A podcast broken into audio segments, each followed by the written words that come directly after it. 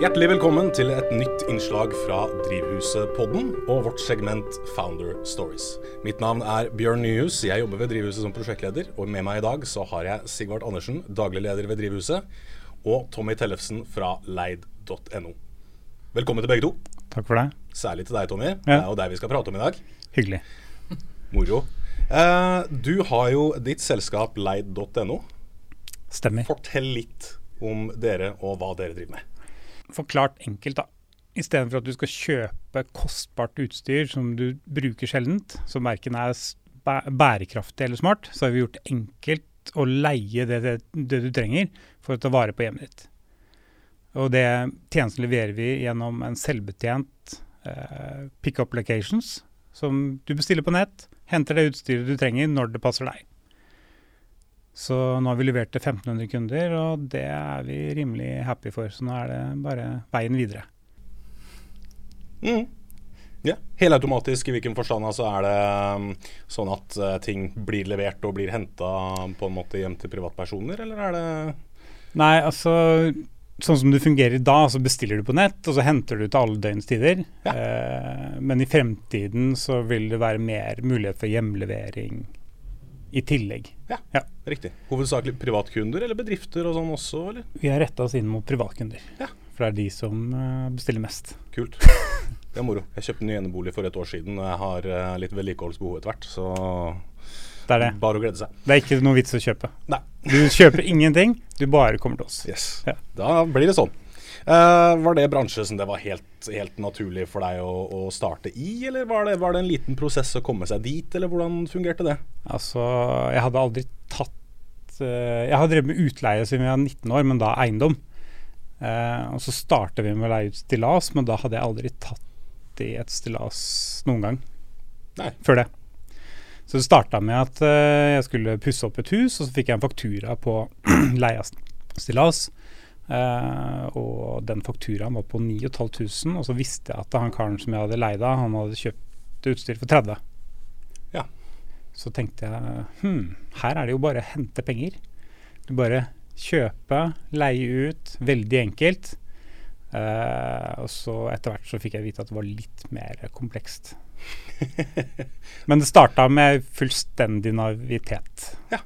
Så det var fint. Spennende, da. Det er jo ikke uvanlig det når du skal inn i en ny bransje på den måten der at uh, det dukker opp litt ting underveis som man ikke nødvendigvis var klar over, og ting forandrer seg etter hvert. Det kommer vi nok tilbake til. Ja. Men uh, hvor lang tid var det før du begynte som, uh, som naiv og grønn innenfor for det her, fram til det faktisk var en, en reell forretning som kom ut av det? Nei, altså jeg kom, jeg, når vi starta firmaet, så jobba jeg i bank som finansrådgiver. Um, og så drev jo firmaet i tre, og tal, tre år siden av fulle jobber. Ja. Um, ja. Men, ikke, men, ikke lenger? Uh, nei, da slutta vi jobbene våre. Ja. Og så satsa vi fullt. Kult. Kjempemoro. Åssen har det gått, da? det har gått rimelig greit. Altså. Det er deilig å forholde seg til én, ett selskap, ja. og ikke i tillegg være ansatt. Det vil jeg tro det er, det er noe med fokus og på en måte uh, Ja, få litt trykk. Ikke sant? Du skal ha med deg partnere, du skal ha med deg andre mennesker. Jobbe sånn på deltid på et prosjekt, så blir det ikke Det er vanskelig å få traction, da. Ja, ikke sant. Hvor mange er dere som jobber sammen nå? Ja, altså Det er meg og co-founderen min, og så har vi et utviklerteam i Polen. Eh, de er fem stykker. Ja. Uh, de jobber ikke fulltid med oss, men uh, det kan hende at det føles sånn ut innimellom. eh, og så bruker vi også konsulenter, egentlig. Nå, men nå går vi inn i en ny fase når vi skal begynne å trekke, trekke folk inn i teamet istedenfor. Ja, riktig. Det har vært en bevisst strategi å heller få tak i de beste innen sitt felt mm. enn å få noe som funker nå. For vi har planer om å bygge det selskapet som skal bli verdensomspennende. Kult. Og da legger vi lista der. Ja, ja, ja. Moro. Det er kult med ambisjoner, ja. Det er kjempegøy. Uh, de personene som dere henter inn, er det personer som liksom dere har hatt inne på, på konsulentbasis allerede, sånn sett? Eller er det helt nye, nye stillinger som dere lyser ut? Ja, nei, altså sånn som uh, Nå er vi i ferd med å få på plass en CTO Nå er det ikke helt landa, men eh, det vil jo da fungere som en CTO for hire. Ja. Eh, den det mennesket fikk vi via på en måte et dagsrateprogram som hadde en mentor, og den mentoren anbefalte oss å ta en prat med denne ressursen her. Og så hadde vi en prat, og så Ja, nei, men vi endet det med at han istedenfor å på en måte ha en mentorsamtale med han, så var det sånn Ja, kanskje vi skal finne på noe sammen. Ja. Så der eh, nettverk for oss har vært alfa og mega. Ja, Ja. riktig. Det er kult da, altså når, det, når det skjer litt sånn type organisk, at man bare vokser sammen som selskap og ser hverandres behov og, og, og ønske om å bidra og hjelpe hverandre og sånt, og så bare blir det, blir det kjempeeffekter ut av det. Det er jo helt nydelig. Ja, altså erfaringen vår er at uh, det å de, Alle de menneskene du møter på veien, uansett hvilken rolle eller uh, hvilken setting det skulle være, så det å evne å ta vare på de relasjonene og vedlikeholde dem og sånn, så skjer det magiske ting. Kult. Uh, så vi hadde jo ikke vært der vi er nå hvis ikke vi hadde vært bevisste i forhold til de menneskene som vi møter. Da. Nei, riktig. Du nevnte jo noe innledningsvis om at dere har store ambisjoner, eh, Tommy. Mm. er tjenesten skalert for det? For veksten i dag? Altså, sånn Det var jo det som var litt av problemet sånn i starten. Vi, hadde, vi var jo veldig naive. Eh, så stillas, f.eks. da vi drev stillasutleie, så var det sånn at vi hadde jo ikke noen hengere. Så hver gang vi skulle levere ut stillas, så måtte vi jo møte opp og lempe det stillaset over på den hengeren som kunden kom med. Mm. Og kunden kom jo gjerne da 11 på kvelden. Du har jobba noen timer, du, da. Nei, men det, det syns ikke.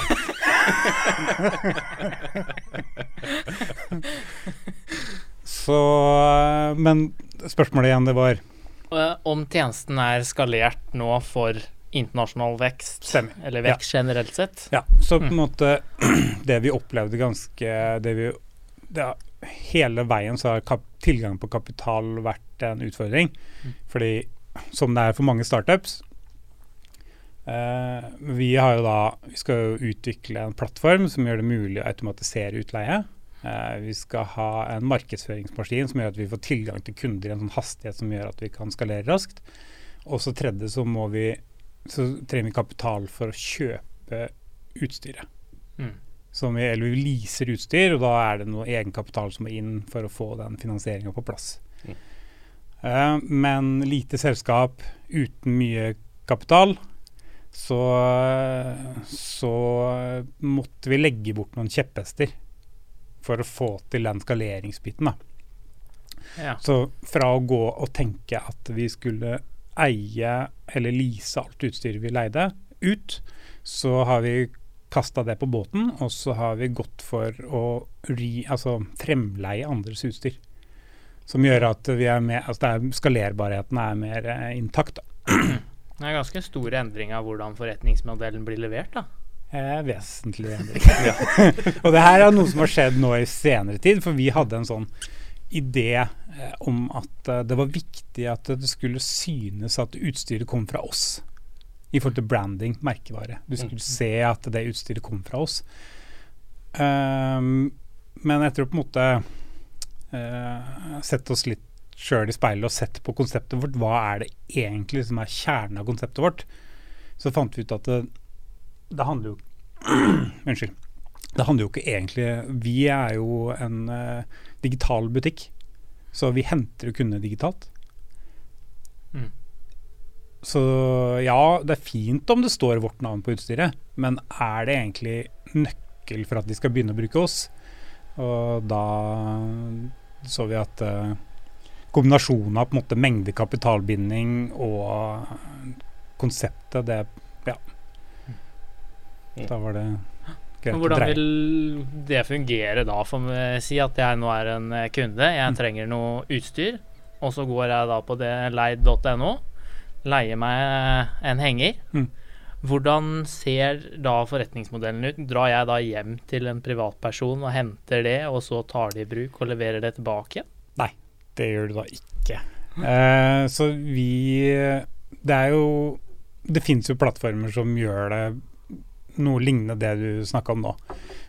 Hvor, hvor kunden bestiller på en uh, plattform, altså si på Nabohjelpen eller på Hyglo. Bestiller på nett, og så drar de hjem til Per eller Kari uh, for å hente det utstyret. Men av en eller annen grunn så er det sånn at det får ikke helt traction. Det, det, det fungerer, men de pusher mye markedsføring, men allikevel får de ikke helt traction. Uh, og vi tror at litt av grunnen til det er at det er en stund siden vi fant syntes det var helt uh, var komfortable med å hente, låne sukker av naboen. Ja. Det fins noen barrierer der. Mm.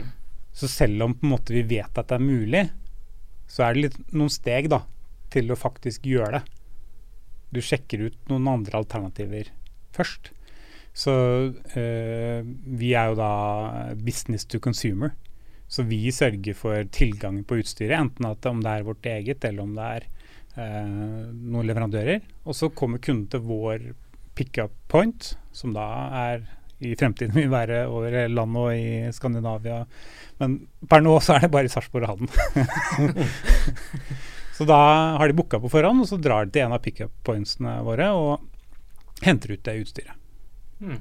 Og så kan de bruke det, og så levere tilbake selvfølgelig på samme sted. Det høres jo knallbra ut, eh, Tommy. Det gjør jo det. Eh, det er jeg jo enig i. Det høres veldig bra ut. Nå har vi levert til 1500 kunder eh, så langt. Eh, det er såpass, ja. Det, ja, altså vi er kjempefornøyd, men eh, vi er jo ikke Vi er ikke, vi er ikke ferdig. Så det her er bare Det vi har gjort fram til nå, er en product market fit. Altså vi har fått verifisert at det her er et behov for det vi leverer. Og nå skal vi eh, profesjonalisere og få det her til å bli skalerbart. Mm. Så uh, for dere som har hørt om turnkey operation, er uh, neste nivå hvor mm. vi skal få, vi, få oversikt over alle operasjonene som skal til for å opprette en avdeling. Og så er det få tak i plassen, trykke på en knapp, og så skal det her rulles ut eh, etter det. Mm. Mm. Så er er det, Åssen har dere lagd en vekststrategi? Er det Moldovia neste, eller er det Oslo? Nei, altså nå, første fase så er det Nå har vi jo fått inn i, Nå er vi i ferd med å få inn i Kapital. Vi har hatt en uh, åpna en emisjon for ikke så altfor lenge siden. Uh, så nå er vi i ferd med å få inn de, den kapitalen. Og nå er det første fase så er det å skalere opp de avdelingene vi har. Og så er det å få på plass uh, mer automatisering i forhold til kontroll på uh, hvor utstyret er. og uh, mer den selvbetjente, fordi at nå er det sånn semiautomatisk. Det er noen menneskelige punkter som Så kunden kan oppleve det som at det er automatisk, men så er det vi som sitter bak og trykker. og sørger for at det skal funke, da. Men uh, menneske, vi er jo Så jeg og Andreas, som er uh, min eminente co-founder, uh, han Vi er da på jobb 24-7 og har vært det nå i ett og et halvt år.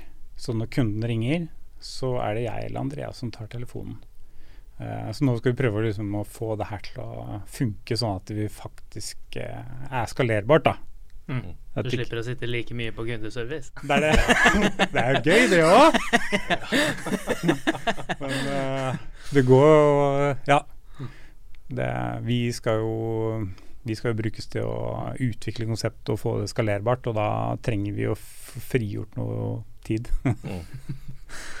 Skjønner. Ja. Har, du, har dere jobba mye tett med kundene i hvordan dere former konseptet, eller eh, hvordan har dere på en måte funnet ut av de endringene dere nå kommer til å gjøre?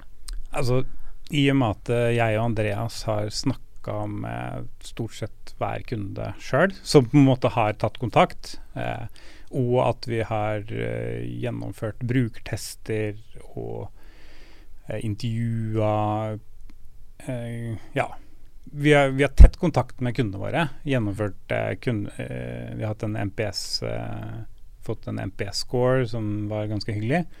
Eh, så det er kundene som vi har tatt utgangspunkt i. Så vi kan jo mene mye rart om hva som er smart. Mens det er kundene som ønsker ønske å bruke tjenesten på en viss måte. Mm. Så vi har jo opplevd det mange ganger, at de tankene som jeg og Andreas uh, sitter med, at uh, når du tester i markedet, så er det ikke, er det ikke nødvendigvis akkurat sånn som vi har tenkt, da. Men Nei. nei. det, er, det er veldig fint. Og det er jo da du må ta en stopp. Fordi jeg tror som gründer så er det eh, det å ha troa på det du holder på med. Mm. Hvis du ikke har troa på det du holder på med, så skjer det veldig lite. Men når den, den troa på hvordan ting skal fungere, og hvordan ting er i virkeligheten, treffer deg, det er da du skal Og det tror jeg er litt vanskelig, når du er så fast bestemt på at det du tror hvordan ting funker, og da ta en pause. Ja. Og så liksom OK, så du sier det at uh, du er ikke interessert i å gjøre det på den måten. Mm. Uh, ja, da er det på tide å revurdere ting og liksom vurdere noen enkle tester da, for å sjekke om, om det faktisk er sånn at uh, kunden har rett, eller at det du tror Mm. om det. Så det er jo interessant. Ja, ja. absolutt. Det er jo, det er jo mange, mange gründere som har blitt en, en, del av den store, stygge statistikken som vi ofte snakker om. Den 7-10-regelen. Det er jo 70% av alle nystarta bedrifter i Norge går jo under før det har gått, uh, gått fem år. Uh, og veldig mye av det er jo fordi mange kommer på eller møter akkurat den samme type veggen, men ikke evner å, å ta et steg tilbake og begynne å se eventuelt på at kanskje kunden har rett her. Eh, og kanskje vi bør prøve å, å, gå en litt annen retning enn det vi hadde sett oss ut før. Så fortsetter man i samme retningen og ender opp i et marked hvor man ikke har noen kunder som er villige til å betale. Ja. Uh, og da er det generelt sett uh, dårlig stemning for å drive business, hvis ikke noen har lyst til å kjøpe det du uh, tilbyr. Det er jo så. noe med det. Og så er det jo Én ting er at stort sett som gründer så er du avhengig av Enten så er det jo kundene som skal kjøpe noe av deg, du skal please dem. Men hvis du er avhengig av penger i den andre enden, så vil jo også den som investerer i startup, se De ønsker å se traction. De ønsker å se at du evner å levere til noen. Mm. Ikke sant. Um, så hvis ting er Du har en kjempeflott idé, men du ikke har levert noe eh, Eller du har levert, men det utvikler seg ikke. Så er det jo et tegn for en investor at det her er det jo at det, case er kanskje ikke klart for investering ennå. Fordi en investor har ikke lyst til å betale for at du skal finne ut av hva du skal gjøre. Noen investorer kanskje vil det, men de aller fleste har lyst til å se at den gründeren har funnet ut av noen ting som er grunnlag for at det kan bli business Ja. er som i hvert fall det vår erfaring, da. Ja.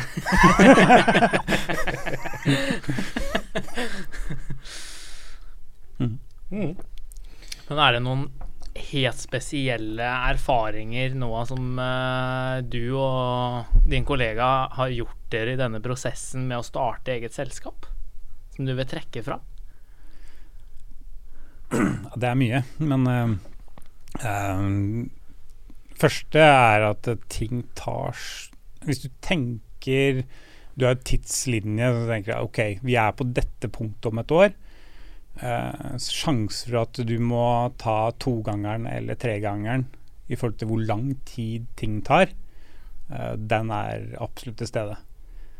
Eh, så det jeg tror, som, jeg tror veldig mange som er gründere, meg inkludert, jeg er født optimistisk uten den optimismen så hadde jeg kanskje aldri starta. Så det er, det er, viktig. Det er viktig å være optimistisk og ha trua.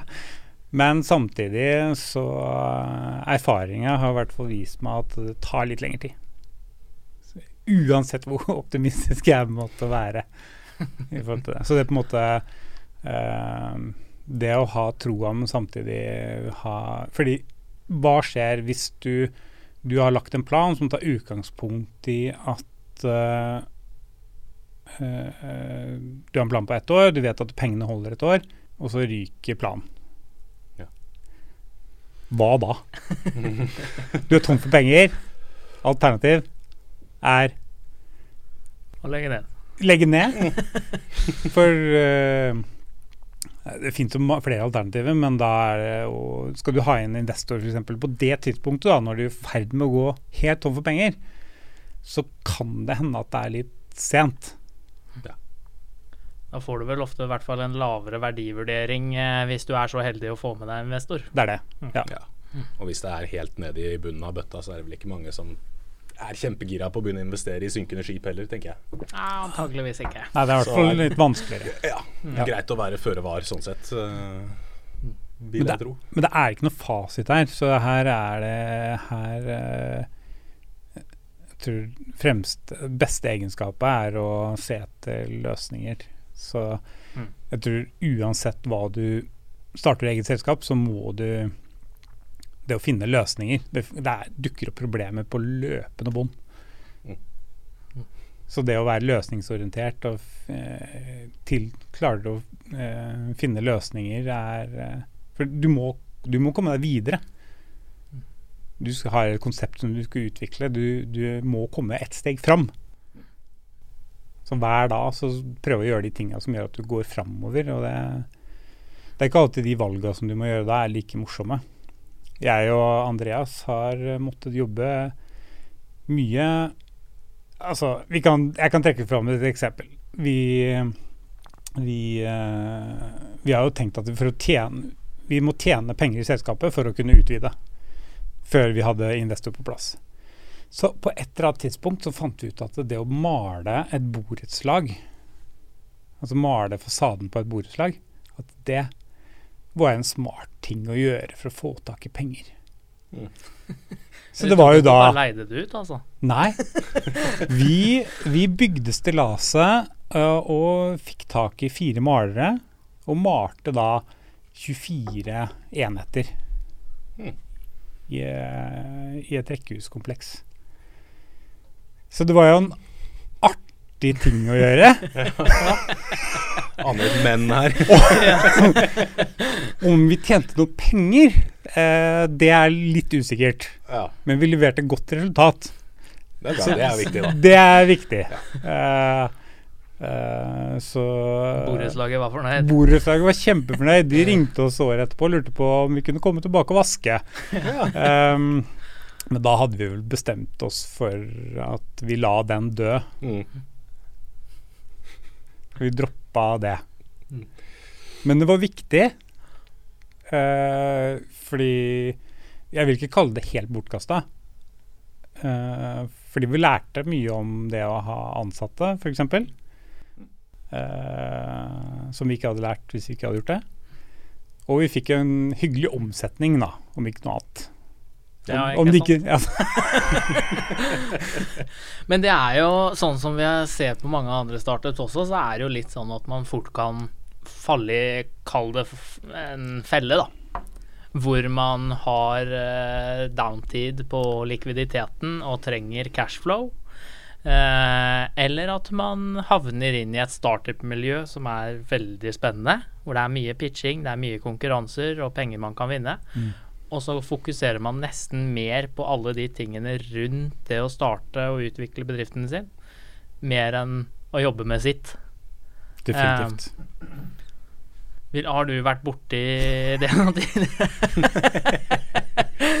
med manglende fokus? Mm. altså uh, Ja, det vil jeg jo si. Der er jeg jo heldig som har Andreas som prøver uh, tidvis vellykka å holde meg tilbake.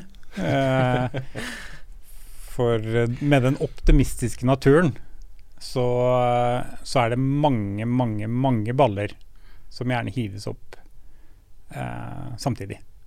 Mm. Eh, så det, det mangler Altså, det, nå er vi jo det er mye, mange ting som vi burde ha lært tidligere. Eh, en av de tingene som vi burde lært tidligere, er uh, prosjektstyring. Mm. eh, og verktøy for hvordan styre prosjekter.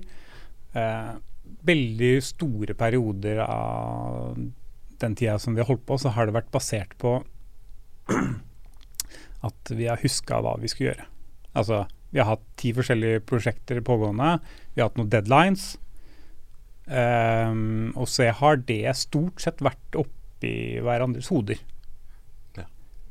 Noen Stort sett har det gått bra. Takket være en litt sjarm og smile og blunke, så det, har man klart å lande det på et eller annet vis. Mm. Uh, men kan det føles innimellom at det har vært litt mer flaks enn det som ikke vært lov, da. Ja. Altså det er noen frister som er greit å overholde.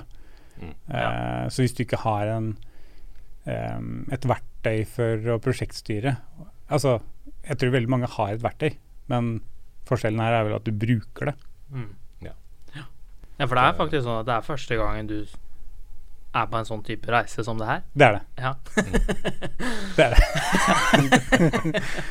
Hvordan er det? Tror, eh, du nevnte jo litt i forhold til motivasjon og sånne ting i starten. Eh, hvis du hadde starta selskap uh, før, ville du godt gjort det her en gang til? Definitivt. Mm. Altså, jeg kommer aldri til å gå tilbake til nå, det her, nå er det dokumentert. til å gå tilbake til en vanlig ansettelses... Uh, uh, hvor jeg ikke er eier av selskapet, det, det, ser jeg ikke for meg at det kommer til å skje. Jeg gjør ikke det her for pengene. Da hadde jeg det, Fordi det har jeg ikke sett noe til.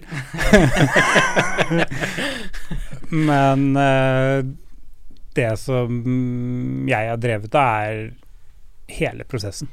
Uh, uansett Altså det, de smertefulle delene og det som er kjempegøy. Uh, jeg liker den opp- og nedturen. Jeg vet det at uh, hvis jeg har noen kjempetunge dager Det merker jo kona mi, Silje Bukkholm. Hun er jo Uten henne så hadde det vært veldig vanskelig å få til noe av det her.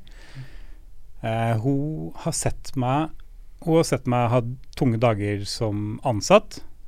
Eh, det var mm, ikke så bra, for da var det veldig, veldig tungt. Eh, hadde en nyttårsaften hvor eh, vi skulle i selskap, og det tok litt tid før jeg kom meg ut av døra. For mm. ting var veldig tungt. Ja.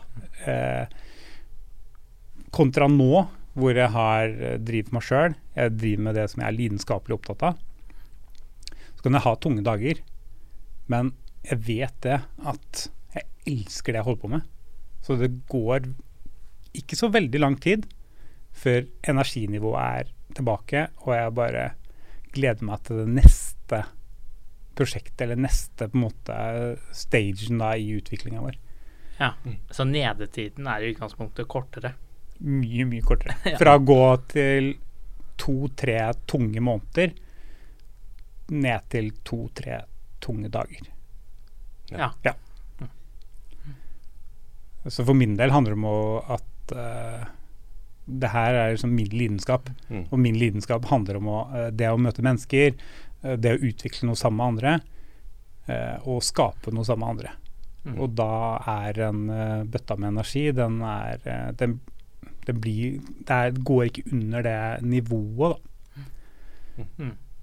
I hvert fall i teorien. Ja. det er kjempekult. Kjempe, sånn småinspirert selv, jeg. Ja. håper jeg de som hører på, blir også. uh, men med, med den lidenskapen og, og sånn som, som, som, du snakker om nå, og, og, kjærligheten til prosessen og sånn rundt det.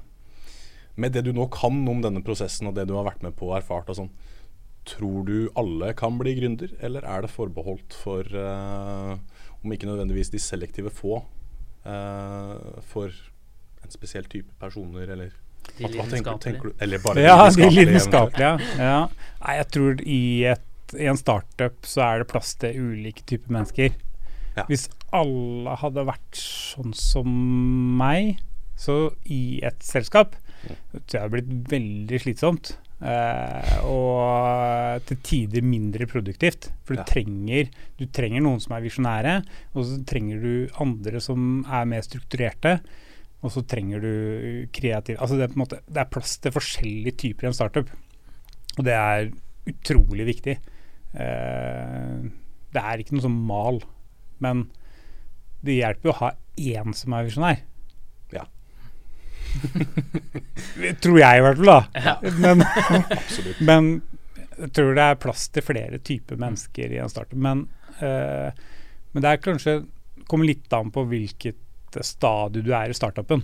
Uh, i, når du begynner å på en måte skal ansette folk, uh, og du, ikke har, du ikke er på ute, utkikk etter co-foundere, så er det litt annen type personlighet som du trenger på ulike stadier. Ja. Uh, I første fasen, hvor du skal liksom, prøve å tromme sammen et eller annet, lage et eller annet konsept, prøve å få det ut til kunder, så trenger du kanskje flere folk som er som, som liker det. Ja. og som eh, er komfortable med å ha litt mer utrygge rammer, da. I mm. forhold til når lønna skal komme, og om lønna kommer, og mm. hva den kan være på. Ja. Eller om du ikke får lønn i det hele tatt. Så det var det litt lange svaret på det spørsmålet. Ja, ja. Men det er, eh, det er godt svar. For, forrige gang vi stilte spørsmålet, så var svaret bare nei. Så, uh, det var definitivt bedre svar i dag. Ja, ja mer, mer, utdypende, absolutt. Men det var uh, veldig bra. Jeg lurer på om vi begynner å nærme oss veiens ende. Uh, med mindre du, kjære Sigvart, har noen sånne oppfølgingsspørsmål sånn helt på tampen. Jeg har et siste oppfølgingsspørsmål. Skal du få lov til å stille det. Så bra. Det er jo sånn at dere er jo to i dag. Stemmer. Og dere har uh, noen definerte roller. Stemmer. Ser du for deg at de kommer til å endre seg i nærmeste fremtid? Um, Etter hvert som dere begynner å ansette osv. Definitivt. Det er uh, verken jeg eller Andreas er knytta spesifikt opp til noen spesiell rolle. Så ambisjonene våre er å lage et uh, selskap i verdensklasse. Og da betyr det ikke at det nødvendigvis jeg er den rette som CEO på alle faser. Uh, jeg ser for meg i en mer operasjonell fase så er det noen med andre egenskaper som trenger å tre inn i min rolle. Mm. Um, så det er uh, åpent. Meste, beste mann eller kvinnen til jobben er så Ja, det er viktig. Det er på en måte det er jo selskapet som skal utvikle seg. Eh, vi som gründere utvikler oss selvfølgelig med selskapet, men, men, det kan hende at det er ulik takt. Mm. Så det tror jeg skal det litt, Jeg tror nok det er litt vondt eh, hvis den dagen en, ja, den kommer til å komme. Så tror jeg nok det eh, ikke kommer til å være lett for meg heller. Men eh, jeg er bevisst på at det er den mest egna personen som skal ha den rollen. Mm. Vi er ikke ferdige ennå, så det er en liten stund til. Det blir noen andre enn meg som CEO, men, men det kommer til å skje. Ja. Mm. For det tror jeg er det, noe av det vanskeligste for veldig mange gründere, å faktisk skulle se at kanskje man ikke har nødvendigvis de egenskapene som skal til. Ja, og det vet du kanskje ikke helt Til å tre ut av en rolle som man ja, hadde i starten. Ja, og det vet du kanskje ikke helt før du er Altså, jeg har jo sett noen eh, talks på, om det her. At eh, når den du har ansatt, kanskje blir den som sparker deg. Ja. så er det jo Vi har jo et ego. Så uh, det er kanskje lettere om du har et bevisst forhold til det sjøl. Sånn at mm. uh, du Jeg tror Steve Jobs, for eksempel, da, hvis vi skal ta et eksempel, hadde han hadde nok uh, vært mer fornøyd hvis det var han sjøl som hadde tatt initiativ til en endring, ja. enn om han hadde fått sparken. Mm. Ja. Nettopp. Så. Nå Historien endte jo med at han kom tilbake, så det ble jo en lykkelig slutt for han uh, i forhold til den, hans uh, lille startup. Det gjorde Sant. det jo. ja. Hvordan ser omsetningen ut i år og de neste årene? Vi har ikke så altfor beskjedne ambisjoner. Nå er vi, vi, vi uh, satser på å omsette for fire millioner i år. Det er jo ikke Vi har ikke den største veksten i forhold til omsetning, fordi at vi har også skifta forretningsmodell og tatt bort noen eh, malerjobber. og gjort noen grep, da, så vi har fokus på det med utleie. Uh, men med den endringa i forretningsmodellen som vi har gjort, hvor vi fremleier andres utstyr, så er det mulig for oss å gasse på mye, mye mer enn det vi har gjort fram til nå. Så jeg, jeg, har ikke lyst til å si ambisjon... De, de er høye, da. De er høye. De er høye. Siden du nevnte Steve Jobs i stad, så vet vi kanskje et lite, liten bit om hvor det går, ja. ja altså, et sted mellom tregangeren og tigangeren. Ja. ja. så hvis vi lander på seksgangeren, så er vi happy. happy. Ja. ja. Det høres ut som en god ambisjon. Det høres veldig bra ut. Mm. Vi gleder oss til å se. Ja. Det var utrolig kult å være her sammen med dere. Det er, eh, jeg syns det, eh, det, er dritrått det drivhuset gjør. Og jeg tror det har mye å si for, eh, for de gründerspirene som er rundt omkring. Så det er kult. Tusen takk for det. Veldig hyggelig at du sier. Og tusen takk for at du kom i dag. Veldig hyggelig å ha deg her. Veldig morsomt å høre mer om, om selskapet og, og, deres ambisjoner og, og, erfaringene deres. Utrolig moro. Uh, med det runder vi av for denne gang. Uh, hvis du som lytter har lyst til å høre mer eller finne ut mer om, uh, om Tommy og leid.no, så gå inn på, på nettet på leid.no. Og finn kontaktinformasjon og mer informasjon om selskapet der. Kanskje har du også et prosjekt hjemme og du trenger å leie litt verktøy og sånt nå, så må du bare gjøre det. Om du har andre spørsmål eller uh, kommentarer til podkasten eller Drivhusets praksis, så er det bare å kontakte oss gjennom våre nettsider eller sosiale medier. Med det sier vi bare takk for nå.